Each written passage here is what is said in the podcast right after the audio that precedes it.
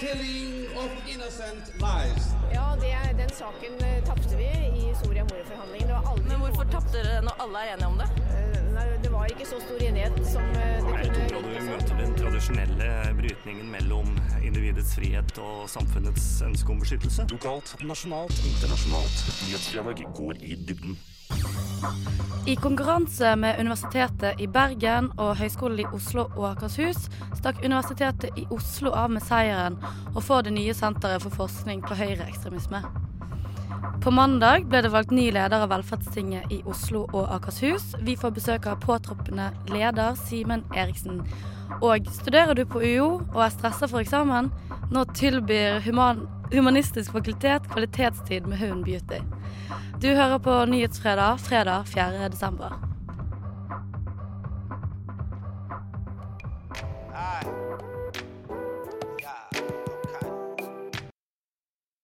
Velkommen til Nyhetsfredag, programmet som gir deg studentnyheter fra Oslo og Akershus. Mitt navn er Sarbekk Sørensen, og med meg i studio har jeg reporter Tobias Fredø. Og på teknikk så har vi Isak Ree. Hei, jeg heter Jonas Gahr Støre. Du hører på Nyhetsfredag. Følg med og ha en fin fredag og god helg. Etter konkurranse med Universitetet i Bergen og Høgskolen i Oslo og Akershus er det klart at UiO får Senter for forskning på høyreekstremisme. Med oss i studiet har vi senterets nestleder, univers universitetslektor i statsvitenskap ved UiO, Anders Ravik Djupskås. Velkommen. Takk skal du ha. Kan du fortelle kort om bakgrunnen til prosjektet? Hvorfor lager man dette senteret? Ja, dette har jo sin, sin, klare utspring selvfølgelig i de grusomme terrorangrepet 22.07.2011. Da tror jeg det ble ganske klart for mange at både at det er en, fortsatt en trussel eh, fra det høyreekstreme miljøet, både selvfølgelig organiserte miljøer i noen land, men også da dette såkalte ensomme ulver, slik eh, man kunne karakterisere eh, terror, terroristen 22.07., Anders Behring Breivik. Eh, det ble også ganske klart at uh, mens Norge hadde hatt et ganske godt, uh, både internasjonalt og, og, og, veldig relevant forskningsmiljø på dette på 1990-tallet, hvor det var en del nynazistiske grupperinger som, som opererte særlig på Oslo øst f.eks., så hadde dette miljøet forsvunnet mer eller mindre, og folk hadde ikke forsket på dette på mange år.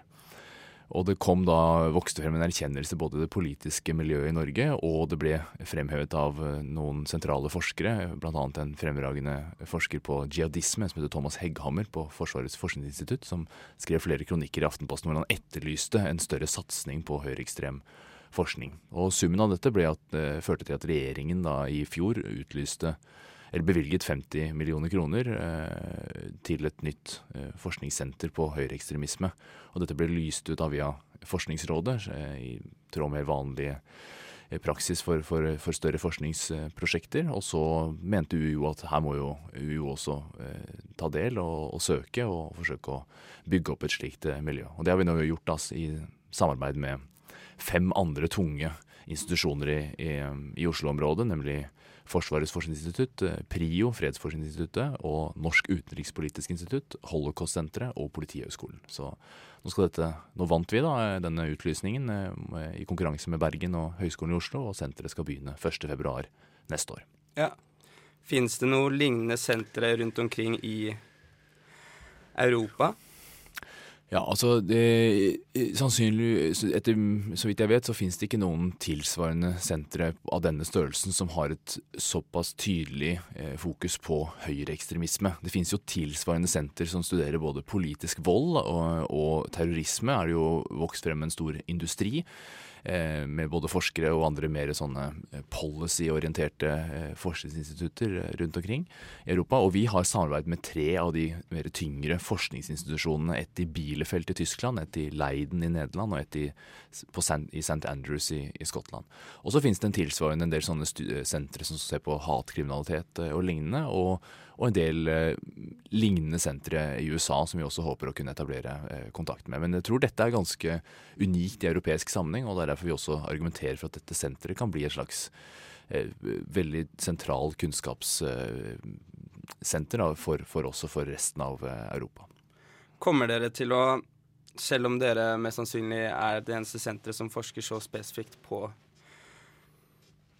på på høyreekstremisme? På høyreekstremisme, ja. Um, kommer uh, dere til å samarbeide med noen i uh, Europa, eller uh, vil det bare være her i Nei, altså det er, det er disse fem, fem norske institusjonene, og så håper vi jo selvfølgelig at vi også skal, skal kunne samarbeide mer med Bergen. Det finnes jo da mange flinke folk der også som var med på den søknaden som ble sendt derfra. Og så er det disse andre eh, europeiske institusjonene, og det er kanskje et viktig poeng å eh, understreke. Jeg har sett det oppstått en diskusjon allerede om eh, er dette liksom, skal det bare være høyreekstre- forskning på høyreekstremisme her, eller skal det være forskning på ekstremisme mer generelt?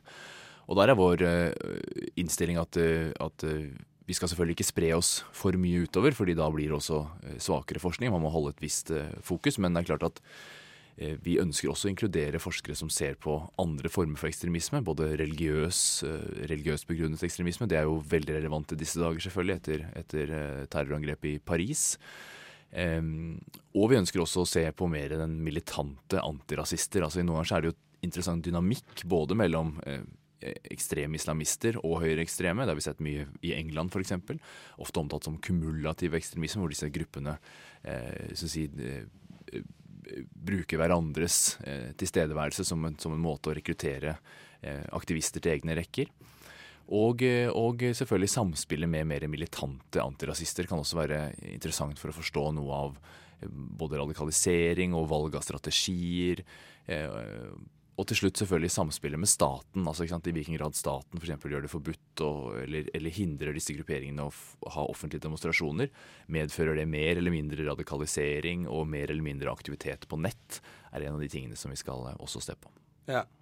Men uh, siden dere skal forske på flere felt, hvorfor skal senteret spesifikt hete forskning for eh, Nei, så, det, ja, så hvorfor skal det hete Senter, Senter for forskning på høyreekstremisme? Det var jo da utlysningen, og, og, her var det en diskusjon i starten hvor uh, UiO også spilte inn at vi mente den måtte ha en bredere eh, nedslagsfelt. Og uh, til slutt så har vi landet på at senteret faktisk heter da Senter for forskning på ekstremisme. Um, Forkortningen Cerex på, på engelsk det høres ut som T-rex, en slags uh, dinosaur. Uh, vi får håpe at ikke vi blir et dinosaursenter. Men um, men som er en undertittel for å understreke denne, dette spesifikke eh, fokuset på høyreekstremisme, hatkriminalitet og politisk vold. Men det er altså mer, mer generelt. Men det er klart, i, i en norsk kontekst med 22.07 som et bakteppe, så tror jeg det er på en måte helt greit å understreke at dette senteret primært skal se på, se på høyreekstremisme. Også fordi at eh, islamistisk terrorisme dekkes både allerede i Norge av andre institusjoner, og det er veldig mange andre forskningssentre rundt omkring i Europa som allerede studerer dette. Så det er på en måte en slags er, Hvis man ser på, på antall drepte, f.eks., så, så er det klart Noen av de mest eh, spektakulære og største terrorhandlingene i Europa, har jo, med unntak av 22. juli, har jo kommet fra islamistiske terrorister.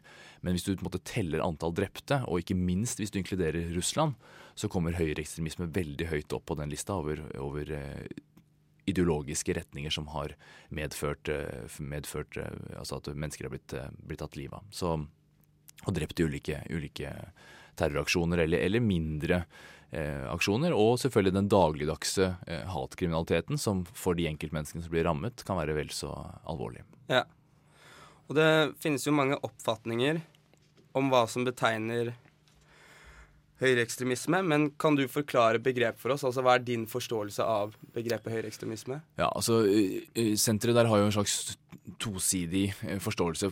På den ene siden så er jo høyreekstremisme ofte omtalt som en, en ideologi som, som, er et konglomerat eller en sammensetning av ulike mer spesifikke forståelser. Altså det er både en, ofte en etnisk nasjonalisme, en forståelse av at staten bare skal bestå av én etnisk gruppe som skal, sin, som skal dominere det politiske systemet i den staten hvor de, hvor de befinner seg. Så er det ofte en, en, uttalt rasisme, hvor man mener at denne etniske gruppen er bedre enn de andre etniske eh, minoritetene som finnes i det landet. Så er det ofte en udemokratisk eh, innstilling. altså Man mener ofte at demokratiet er svakt. Demokratiet preges av, av eh, si, kvantitet fremfor kvalitet. Altså Det er bedre at noen få eh, opplyste personer styrer, snarere enn at man overlater makten til, til folket gjennom, gjennom valg. Um, og så finnes det ofte en uttalt uh, omfattende uh, innslag av konspirasjonsteorier. Om det enten da er den gamle, tradisjonelle konspirasjonsteorien om at jødene styrer verden, Eh, eller om det da er en mer moderne variant, ofte omtalt som Eurabia. Tanken om at eh, vestlige ledere har inngått et slags partnerskap med ledere i Midtøsten om at muslimene skal få lov til å ta over Europa. Så det er i en måte de, de delene. Og så i tillegg så har man dette voldsaspektet, enten om det er utøvelse av vold eh, i, i, med, med, en slags ideologisk begrunnelse, eller om det er voldsforherligelse.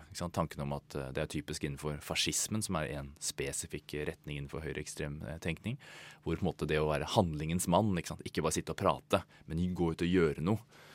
Eh, og det får man jo veldig tydelig frem når man intervjuer en del av de uh, høyreekstreme aktivistene som har begått de største handlingene. Og hvis man også leser høyreekstrem litteratur, så er det sånn Nå er det liksom slutt på praten. Nå er det på tide å handle. Så, så, um, så denne voldsaspektet er liksom også et annet uh, sentralt uh, forhold ved høyreekstremisme som dette senteret skal se på. Ja. Er uh, høyreekstremisme på frammarsj i Norge og i Europa generelt? Ja, altså jeg tror at eh, Det er jo faktisk en av de tingene man skal se litt på. og Man har en tendens til å glemme at det var da også i Norge for eksempel, mye høyreekstrem eh, mobilisering på 90-tallet f.eks. Og det var sannsynligvis mer organisert, men nå har man en idé om at det har gått fra gata til data. altså at eh, Før så var det lett å se det. De marsjerte på gatene, og det var en liksom kjernegruppe aktivister som kanskje hadde et liksom lokal forankring. Oslo øst, eller om det var Askim var det en marsj en gang. Eh, andre steder. Hokksund har vært noen, eh, noen, små norske tettsteder som har vært liksom preget av hatt noen små nynazistiske miljøer. Eh, nå, er det, nå, er det, nok litt bredere på et eller annet vis, men det har forsvunnet et stykke fra, fra gata. Nå har det kommet litt tilbake igjen med, med mer disse islam, islamofobe, tror jeg det må være riktig å si. Disse Pegida-bevegelsene, f.eks. Både i Tyskland og, og som vi har hatt her i Norge. Men det er klart, det er jo ikke mange som møter opp på disse eh, markeringene. Og jeg tror heller ikke alle de som møter opp, bør uh, klassifiseres som mer tradisjonelle høyreekstremister. Det er nok en ganske salig blanding av ulike eh, motivasjoner for å komme, komme med i disse grupperingene. Nei, men det er vanskelig å svare på om det, liksom er, om det er en virkelig mobilisering mm. eller ikke. Det, det fremstår i hvert fall til å være mer tydelig, men igjen, det handler jo også om disse kommentarfeltene som nå kommer liksom en del av disse holdningene som sannsynligvis har eksistert lenge, er mer synlige i det offentlige eh, ordskiftet. Um, så skal, det er en, en, av eh, forskerne på feltet skal også kartlegge på en måte, omfanget av vold over tid, og se på hva det er som kan forklare at det kommer i sånne bølger. Men eh, som lederen for senteret, Tore Bjørgo, har poengtert i en rekke intervjuer, så er det klart at denne voldsomme økningen i antall flyktninger som vi ser nå, eh, har jo medført eh, mer eh, spenninger en del steder. Og vi har sett f.eks. i Sverige denne eh, økt omfanget av at man tenner på disse asylmottakene og sånn.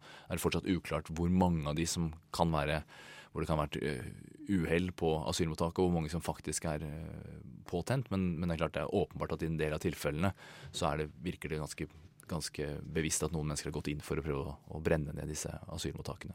Og så gjenstår det selvfølgelig igjen å se om dette er mer uorganiserte folk med, med innvandringsfiendtlige holdninger, eller om det også kommer fra organiserte høyreekstreme miljøer, som f.eks. er mye sterkere i Sverige enn det er i, er i Norge. Så senteret skal jo også studere Norden mer generelt. For det er klart vi kan ikke ha en situasjon hvor vi er 20 forskere som forsker på 30 høyreekstreme aktivister. Det, det, går ikke, så vi skal inkludere forskere som også ser på Europa mer generelt. Og i land som Hellas og Ungarn f.eks. så er det de høyreekstreme grupperingene mye sterkere og mye større enn de er i Norge. Ja.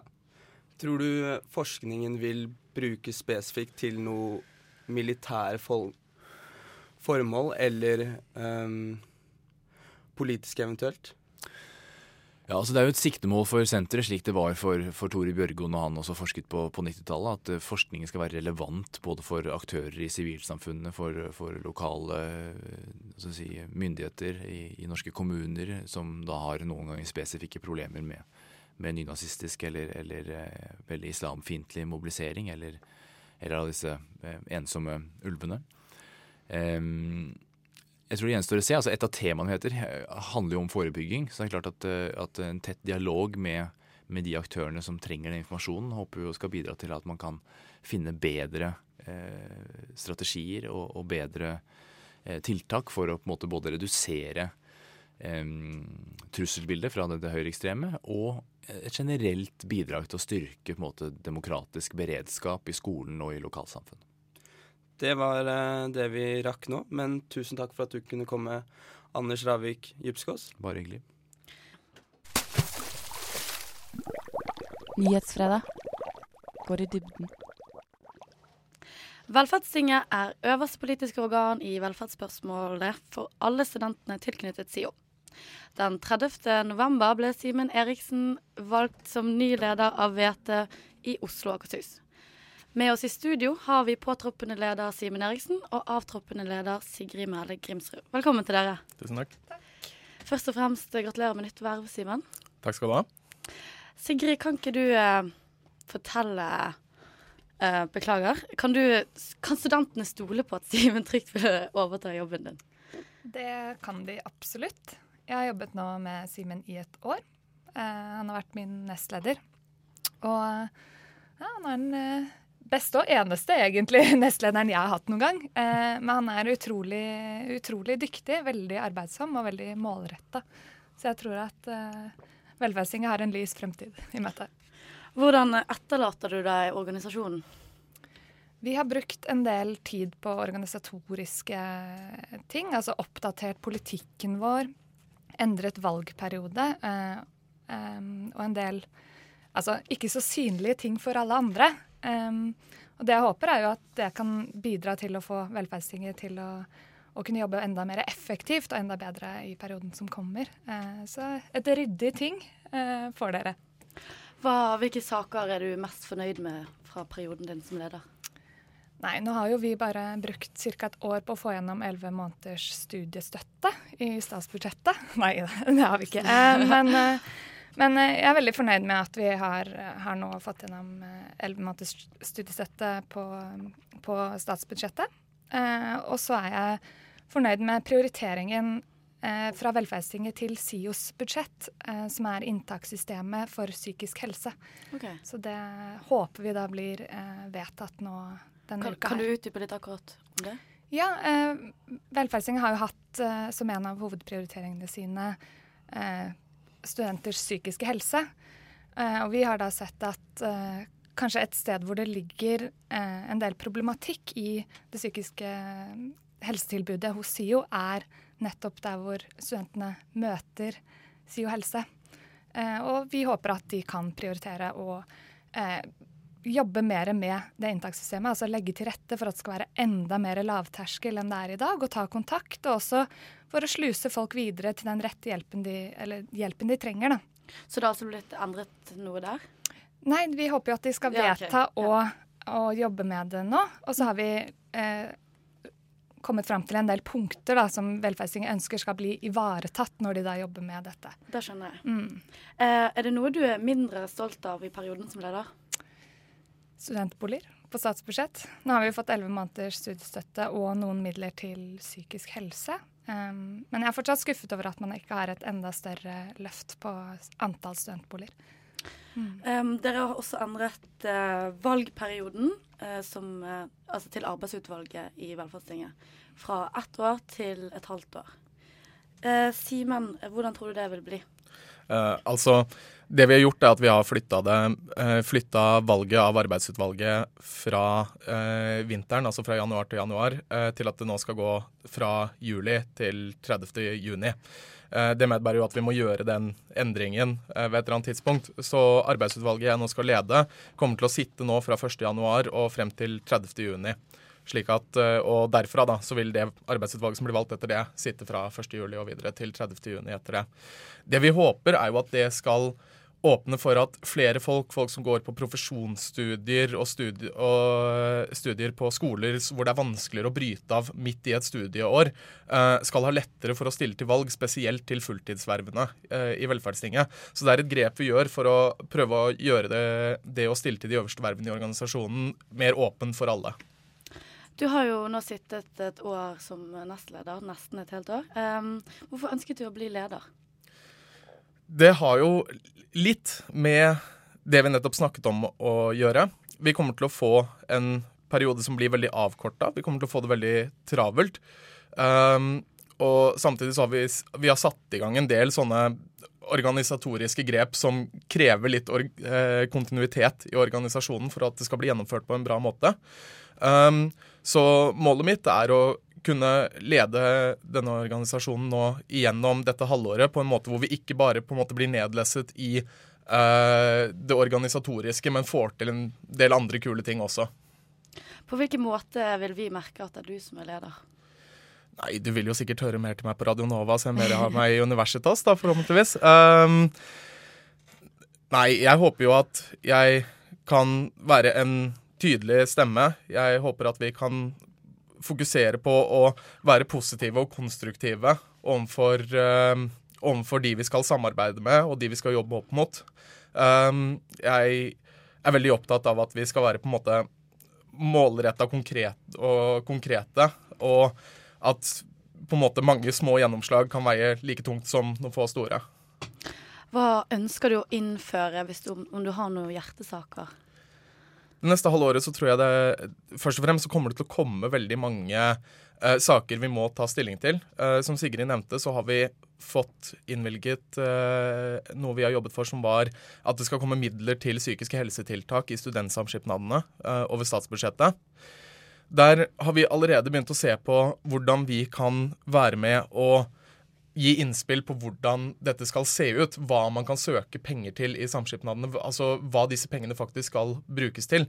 Målet vårt der er jo eh, i tråd med de hovedprioriteringene vi har hatt uh, nå over flere år, at man skal få en ordning hvor disse pengene kan brukes der hvor de på en måte kan gjøre en størst mulig forskjell for enkeltstudentene. Uh, kanskje få til noen kule pilotprosjekter eller noe sånt, men altså, det er en viktig sak som kommer.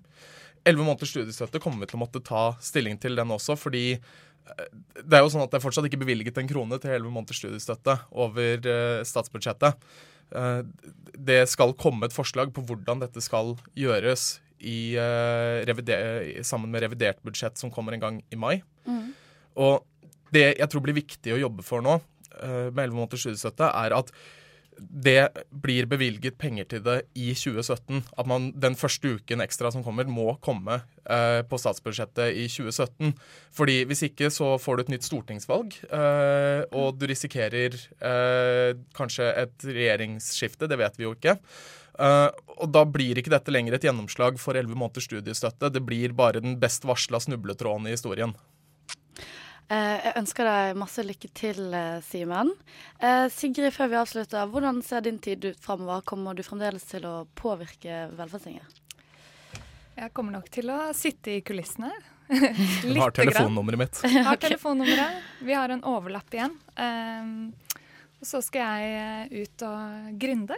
Grinde, altså? Uh, mm, mm. Og gå litt tilbake til, til studiet i moteproduksjon se hva jeg får til der. Så det er veldig spennende. Men jeg har lært veldig mye av å sitte som leder i Velferdstinget, så Simen kan bare glede seg eh, til alt han får være med på. Ja. Tusen takk for at uh, dere kunne komme, Simen Eriksen og Sigrid Melle Grimsrud. Studenter ved Universitetet i Oslo kan booke tid med terapihunden Beauty for å koble av fra eksamensstress. Med oss i studio har vi nestleder i studentutvalget for Humanistisk fakultet på Universitetet i Oslo, Helen Rummelhoff Karlsen. Velkommen. Tusen takk. Kan alle studentene på Blindern benytte seg av dette tilbudet? Vel, I første omgang så var det et tilbud til studentene ved HF, da. Men uh, det var jo sånn at det kom studenter fra hele universitetet, så vi, det var jo ikke sånn at vi skulle ekskludere noen når de meldte seg på av eget initiativ. Men vi reklamerte jo bare på HF, så det er jo bare positivt at, det, at andre kom. Ja. På hvilken måte kan en hund være beroligende og, eller fungere mot stress? Ja, nå er ikke jeg helt sånn sikker på liksom det scientifics eh, bak det, da. Men det er noe med det at uh, en hund er jo veldig leken, den er glad. Uh, du føler deg elsket, og den er veldig kosete. Du får liksom roa den helt ned. Og hunder reagerer veldig på din egen sinnsstemning, da. Så hvis du er veldig gira, så blir den veldig gira. Og da tror jeg du naturlig roer deg ned for å roe ned hunden òg, da. Og i tillegg så er det noe med dette mestringsfølelsen, med å på en måte ha et, et dyr som på en måte gjør som du sier, og som ja, som kommer og koser med deg. Og, ja, det er veldig hyggelig. kan du fortelle litt om hvordan dere fikk ideen, og hvordan dere fikk eh, gjennomslag for den? Ja, eh, det som var at jeg så eh, på internett, så var det masse sånne eh, nyhetssaker om at de hadde eh, valperom da, eh, på universiteter i utlandet, spesielt Kina og Storbritannia. så tenkte jeg det har jeg lyst til å ha her. og så så jeg at BI hadde tenkt å ha det også. Så tenkte jeg hvis BI får det til i Norge, så må vel universitetet også få det til. Eh, og eh, det tok ganske lang tid eh, å finne noen, fordi det er ikke et veldig utbredt miljø, da, terapihundmiljø i Norge. Eh, men til slutt så fant jeg da hun, eh, hun som jeg virkelig tenkte det her er perfekt. En som var veldig opptatt av hundevelferd og som eh, ja, likte henne godt som person. Og jeg tror det er viktig når man skal samarbeide. Og det var faktisk overraskende lett å få gjennomslag for det. fordi da jeg foreslo det til fakultetet, og sånn, så var de bare sånn Kjempebra. Det her er jo skikkelig hyggelig. Endelig en gladsak vi kan gjøre. Eh, og det er jo kjempepositivt både for psykisk helse også. Så det var ikke, Og, eh, og mitt, mitt, eget utvalg også var bare sånn Kjør på. Så det, ikke, har ikke vært noe vanskelig i det hele tatt, egentlig. Har det vært et behov for terapien på universitetet? Altså har noen liksom tatt tak i det før og sagt at vi vil ha et eller annet eh, i eksamenstiden eller noe lignende? Nei, altså det har ikke vært noe uttalt eh, behov for det, eller det er ingen som har sagt noe eller ønsket det. Eh, men jeg tenkte sånn at selv om de ikke har sagt det, så er det ikke sikkert at uh, de ikke trengs. og uh, da, vi, uh, da vi, la ut denne saken på Facebook-sidene våre, så var det jo mange som kommenterte at det her er savna. det her er jo kjempebra, dette vil vi ha. Så jeg tror det har behovet på en måte har vært der, men de har kanskje ikke visst om at det faktisk er mulig å tilby det på universitetet. Mm. Hvordan eh, fungerer eh, gjennomføringen i eh, praksis? Ja, da er det sånn at det er fem studenter som skal inn i et, et seminarrom, da, vi har ikke noe bedre å tilby, med, med, Beauty, som da hun heter, og Anne-Marit. Eh, og så får de 45 minutter hvor de gjør litt sånne samarbeidsøvelser. Eh, litt sånn, De lager hopp sammen for at som beauty kan hoppe over. De, eh, eh og så tror jeg de, de, gjør litt sånn triks eh, med beauty. Eh, sånn at, og det er en veldig sånn fin mestringsfølelse. At man får en hund til å lyde deg. og så til slutt så får du en liten sånn kosestund da med beauty for å bare roe den helt ned. Er studentene fornøyde med tilbudet? Ja, det, det, har vært uh, bare positive tilbakemeldinger. De har vært uh, kommet ut og bare smilt fra øre til øre og bare 'Det her var så koselig, og det var skikkelig deilig med et avbrekk uh, fra lesingen'. Har dere sett noe forskjell i altså, hvem det er som benytter seg av tilbudet? Ja, det er jo Jeg tror vi hadde to gutter på, av alle 30, så det var jo ganske tydelig. Men Så vi håper jo at måte gutta skjønner at det er ikke bare kosing og sånn, at det er liksom samarbeid. Det er ikke bare klapping. Eh, og i tillegg så, Men utover det så tror jeg ikke det er noen sånn uh, spesiell type utdannelse eller noe sånt. Det var, når det kom til uh, utdanning og sånn, så var det all over the place. ja. Hvorfor tror du at det er så få gutter som har benyttet seg av tilbudet? Ja, det er jo det med at jeg tror at de trodde det var litt en sånn liten sånn sitte og holde hverandre i hendene og liksom være sykt jeg vet ikke. Kanskje de, jeg vet ikke, de trodde sikkert det var noe helt annet, da. Men uh, det er jo mange gutter som har, uh, hund, eier hund selv, og som har hund, så det er jo liksom ikke noen grunn til at de ikke skulle benytte seg av tilbudet. da. Men uh, kanskje vi skal være mer tydelige på det. da. Det er ikke bare kos. Vil dette tilbudet komme neste semester også? Vi har i hvert fall satt av penger til det i budsjettet, så det skal ikke noen grunn til at det ikke skal fortsette. Syns du flere institusjoner bør gjøre det samme? Ja, det syns jeg. Eh, fordi de, altså, siden resultatet ble så bra, da, så tenker jeg sånn, det er ikke noen grunn til å ikke tilby det her, altså. Mm. Tusen takk for at du kunne komme, Helen Rumlof Karlsen. Takk. USA, Canada, Brasil, Costa Rica, Chile, Peru, Mexico. Det handler om å skape det europeiske området for høyere utdanning gjennom å tilpasse høyere utdanning i Bologna-landet, sånn at det skal bli lettere for studenter og akademikere å utveksle brudd på studentene sine retter. Nyhetsfredag. Radio Novas aktualitetsmagasin. Hver fredag på FM 99,3. I høst eh, tok nyhetsredaksjonen opp igjen programmet Emneknaggen. Det er Radio Novas debattprogram for studenter. Emneknaggen sendes på Radio Nova hver onsdag klokken 18. På onsdag som var for to dager siden, hadde vi besøk av representanter fra Sosialdemokratene, Blå liste og Venstrealliansen. De diskuterte om motivasjonsbrev burde bli et krav i søknadsprosessen til høyere utdanning i Norge. Bør motivasjonsbrev innføres som en del av opptakskravet til høyere utdanning i Norge? Tidligere i år søkte Universitetet i Bergen eh, eh, Kunnskapsdepartementet om å få innføre dette, men i høst ble det kjent at de fikk avslag på søknaden. Hensikten til UiB var at motivasjonsbrevet skulle føre til at færre studenter faller av studiene, noe 40% gjør ved universitetet per dags dato. Eh, og argumentasjonen deres var at hvis du ikke klarer å skrive hvorfor du er motivert til et studium, så er det ikke sikkert det er der du vil eller skal studere. Flere andre land, som f.eks. Storbritannia og USA, har motivasjonsbrev som en del av sin søknadsprosess, eh, søknadsprosess i tillegg til karakterer eh, og studiepoeng. Eh, med oss i studio i dag for å debattere om vi bør ha motivasjonsbrev eller ikke, har vi som sagt Marius Myhre fra Blå liste, Vetle Vestli fra Sosialdemokratene og Trygve Moncler Bø fra Liberal liste. Eh, så åpent spørsmål til alle sammen. Eh, burde vi innføre motivasjonsbrev? Hvorfor, hvorfor ikke? Ja, jeg kan starte, ja. ja. Nei, er korte svaret. Eh, man burde ikke gjøre det uten at man har noe bedre dokumentasjon. Altså, Vi kan ikke sammenligne oss med de landene du spesifiserer til, for de har først og fremst penger eh, som de tar for sine studier. I tillegg så er det viktig for dem på spesielt Ivy League-collegene eh, i USA, hvor det er eh, mange som søker.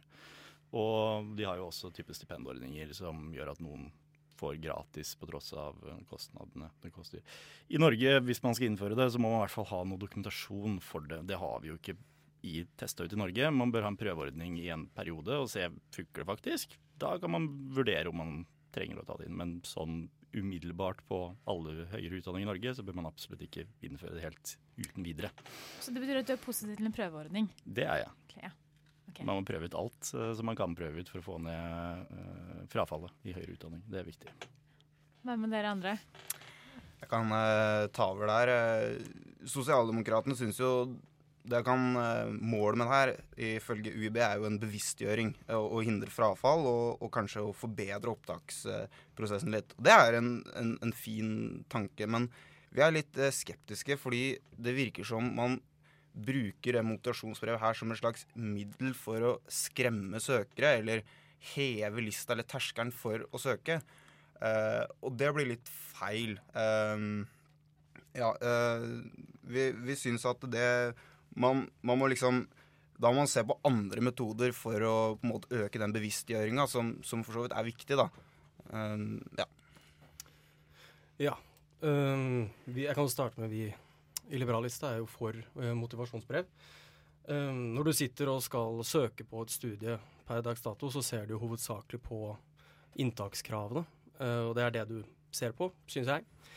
Um, og jeg mener at det vil være en fin reflektering rundt valgene du skal ta når du velger studie, uh, og kunne reflektere litt rundt hvorfor du har valgt nettopp dette studiet. Og det vil kanskje hjelpe deg til kanskje, at det går opp et lys da, uh, som sier at kanskje ikke dette var akkurat det jeg ville, eh, når du da må sitte og reflektere rundt, eh, rundt hvorfor du akkurat ville dette her. Ja, jeg får legge til at eh, noe jeg ikke sa i stad, at det viktigste for oss er jo at det skal være lik rett til utdanning. Og det innebærer jo at uavhengig av sosial og økonomisk og etnisk bakgrunn, så skal man ha lik rett og lik mulighet til å søke høyere utdanning det går jo an å tenke seg at det vil være litt problematisk f.eks. For, for en person med minoritetsbakgrunn da, å skulle skrive et sånn brev som det her. Eh, igjen, bevisstgjøring, og det her er flott, men jeg tror det er andre måter man kan gjøre det på. Eh, jeg regner med at når du vurderer å søke høyere utdanning, så kan du, i hvert fall i Norge, så kan du i hvert fall engelsk eller norsk. Og da synes jeg at eh, et minstekrav burde være at du skal kunne klare å forklare hvorfor du ønsker å gå på dette studiet. Og i og med at det bare er 200 ord som, eh, som, er, som skal være liksom utgangspunktet for motivasjonsbrevet, så mener jeg at man burde da kunne klare å skrive 200 ord for hvorfor man ønsker å starte på et studie. Og, jeg regner med at det vil også bli tilbudt på engelsk og, og, norsk, da. Så ja, det er min tanker om det. Ja, altså Jeg er enig med refleksjonene som, du, som Liberal liste gjør rundt det her. Eh, vi Blå liste ser altså først og fremst så kommer det jo til å være ekstra påkostning med penger. For du må jo nødvendigvis ha folk som skal lese gjennom det. Eh, så det ikke bare er prosessen i å skrive dette brevet som er viktig. Eh, samtidig, og, eller, og gitt at man må ha det, så bør man ha en viss dokumentasjon før man begynner å bruke millioner av kroner på eh, denne prosessen. Eh, jeg regner med at grunnen til at ikke alle departementet stilte seg mot dette, var ikke så mye av prinsipielle grunner, men mer pga. hvordan samordna opptak fungerer, og hvordan dette her blir litt komplisert å få gjennomført med dagens system. Eh, og da må det en hel revisjon gjennom før det kan bli innført. Eh, derfor sier man at det må gjøres på alle universitetene. Jeg syns man burde i hvert fall prøve det å være seg liksom én studieretning eh, over hele landet som man kan teste ut på først, og så kan man se om man får effekt av dette i løpet av en treårsperiode. Det syns jeg hadde vært en god idé. Ja, Trygge. Um, uh, ja, nå diskuterer vi på en måte avslaget UiB har fått fra å innføre motivasjonsbrev. Um, så jeg regner med på en måte at å starte på UiB, da, f.eks. Eh, med dette her, eh, innenfor eh, på visse fakulteter eller innenfor visse studieretninger, vil være en god start for å få en pekepinn på hvordan det fungerer. Uh, å starte på et landsomfattende basis vil jo være veldig voldsomt, uh, vil være veldig voldsomt som et utgangspunkt, men uh, jeg mener virkelig at å kunne titte på hvordan det fungerer på bachelornivå er, er absolutt fruktbart. Og det er jo blitt gjort på masternivå på en del studier i, på, på UiO, Eh, og det blir på en måte noe helt annet igjen, da. Men eh, man, man, har jo sett at det også har vært veldig effektfullt ved at ja, nettopp studentene reflekterer rundt hvorvidt de skal ta denne masteren eller starte på det, om, det er klar, uh, om studenten er klar osv. Og, så og et sånt motivasjonsbrev da, på starten av bacheloren vil ja, være litt likt. Um, for argumentet til UiB var jo at hvis du, hvis du, ikke klarer altså litt tilbake til dette med motivasjon og sånn, hvis du ikke klarer å skrive hvorfor du er motivert til et studium, så er det ikke sikkert det er det du burde studere. Tenk, hva tenker dere, tenker dere at, at, det stemmer, eller tenker dere at eh, men, men, det må da kunne være mulig å være motivert uten å nødvendigvis kunne uttrykke seg skriftlig? Ja. Ja, altså jeg tror nok de er inne på noe der. Altså nå er det, hvis jeg husker tallene riktig, så er det 37% av student- eller høyere utdanningselever som fullfører på normal tid. Eh, som det heter seg. Eh, frafallet er vel ikke noen stor overraskelse at det er i første og andre semester hvor frafallet er høyest. Eh, og det er nok en del som begynner på høyere utdanning uten nødvendigvis å ha reflektert over nøyaktig hva de skal gjøre. Det er ikke akkurat lett å være 19-åring og bestemme seg dette er det jeg skal gjøre resten av livet. Eh, alltid så vil man ha noe frafall. Man kan ikke eliminere det helt, og man burde ikke søke om å eliminere frafall helt, for man må jo ha muligheten til å endre synspunkt i løpet av det unge, voksne livet. Men uh, eh, 37 er jo altfor høyt. Eller for lavt, uh, blir det jo. Uh, så ja, det er nok en del studieretninger som det er høyere frafall, grunnet at folk ikke nødvendigvis tenker over hva det innebærer å studere akkurat det og det. Juss har blitt brakt fram som eksempel for min del, at mange som får gode karakterer, begynner på jussen uten at det nødvendigvis har tenkt over hva en juridisk utdannelse faktisk betyr.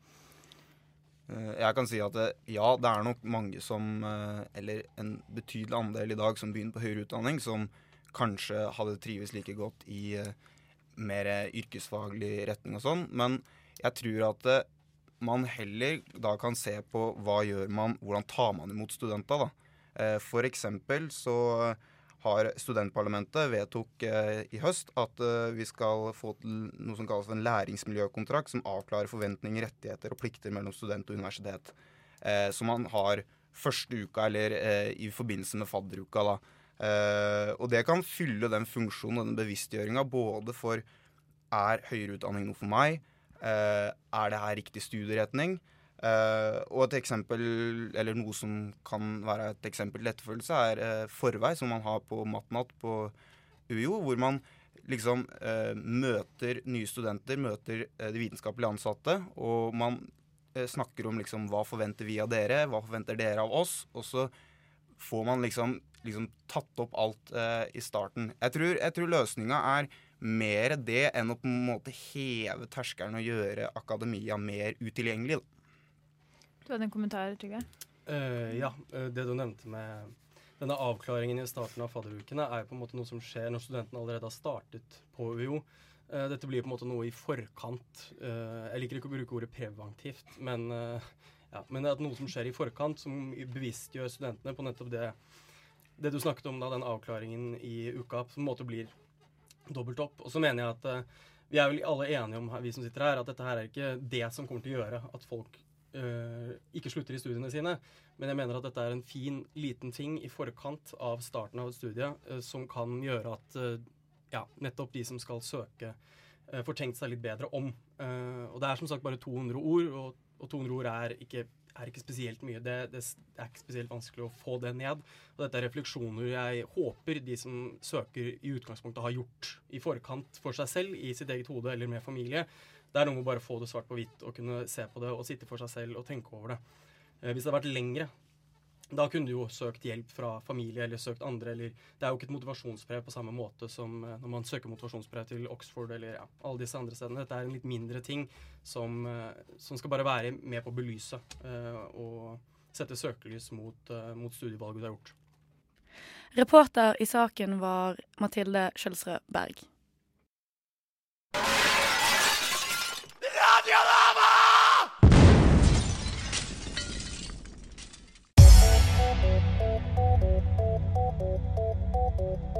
Nyhetsfredag går i dybden.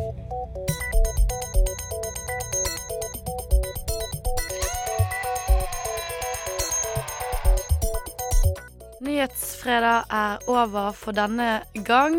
Hør på oss igjen neste uke, som vil bli semesterets siste sending. Tusen takk til dagens gjester. Takk for meg. Mitt navn er Sara Bech Sørensen. Takk til reporter Tobias Fredø og Isak Gre på teknikk. Følg med videre her på Radionova. Etter oss kommer radiotjenesten. Men først noen ord fra ansvarlig redaktør i Radionova, Bjørnar Haugrud.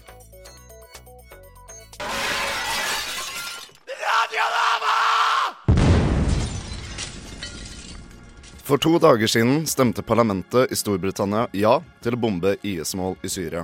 De stemte for når det kom til krigsinvolvement i Libya i 2011, samt stemte for invasjonen av Irak i 2003.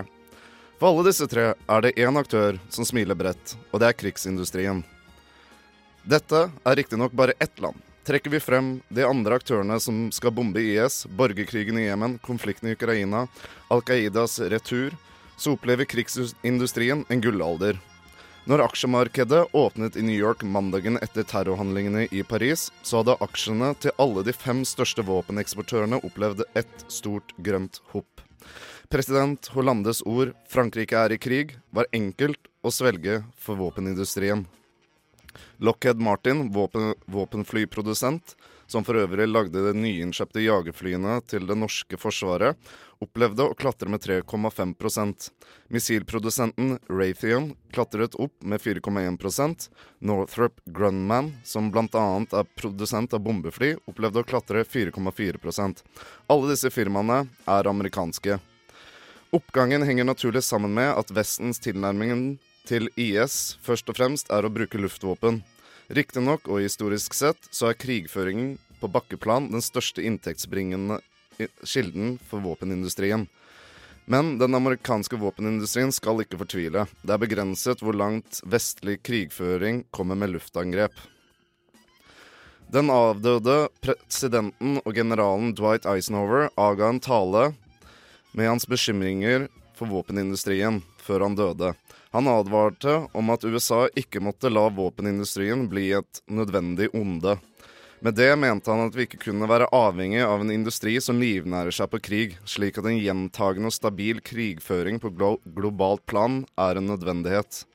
Å ha en økonomi i USA uten en våpenindustri i dag vil være en betydelig økonomisk byrde for USA. I dag er USA verdens største våpeneksportør, og våpenindustrien har sine godt betalte lobbyister i Kongressen for å sørge for at hjulene går rundt. Krigshjulene går rundt. Ifølge Stockholms internasjonale fredsforskningssenter er Saudi-Arabia nummer én våpenimportør, og importerer så å si 99% av alt sammen fra USA. Saudi-Arabia har nylig blitt beskyldt for å finansiere terroristgrupper, som f.eks. IS. I, Wikileaks, i Wikileaks ambassadelekkasjene fra 2009 kom det frem at Hillary Clinton skrev i et dokument at donorer i Saudi-Arabia er de som gir desidert mest til finansiering til sunnimuslimske terroristgrupper. Saudi-Arabia er nå den største aktøren i alliansen for å slå tilbake mot opprørsstyrker i Jemen. Konflikten har så langt krevd over 2000 over 2300 sivile. Nylig eksporterte Norge militært utstyr til Saudi-Arabia, kategorert som kjøretøy, komponenter og annet elektrisk utstyr, til en verdi av 3,7 millioner kroner. Det er minimalistisk med hva USAs budsjett er, men utenriksminister Børge Brende argumenterer at disse 3,7 millionene er veldig viktige for verdiskapningen i Norge. Mye har skjedd siden general Eisenhower sin tid. Jeg tror han hadde snudd seg flere ganger i graven til nå, og presidentene som etterfulgte han, pumpet inn uendelig med sine midler inn i militærindustrien. Den gang var det for frykt for kommunisme, og nå er det frykten for terror. Hva er neste argument? the tears and the sadness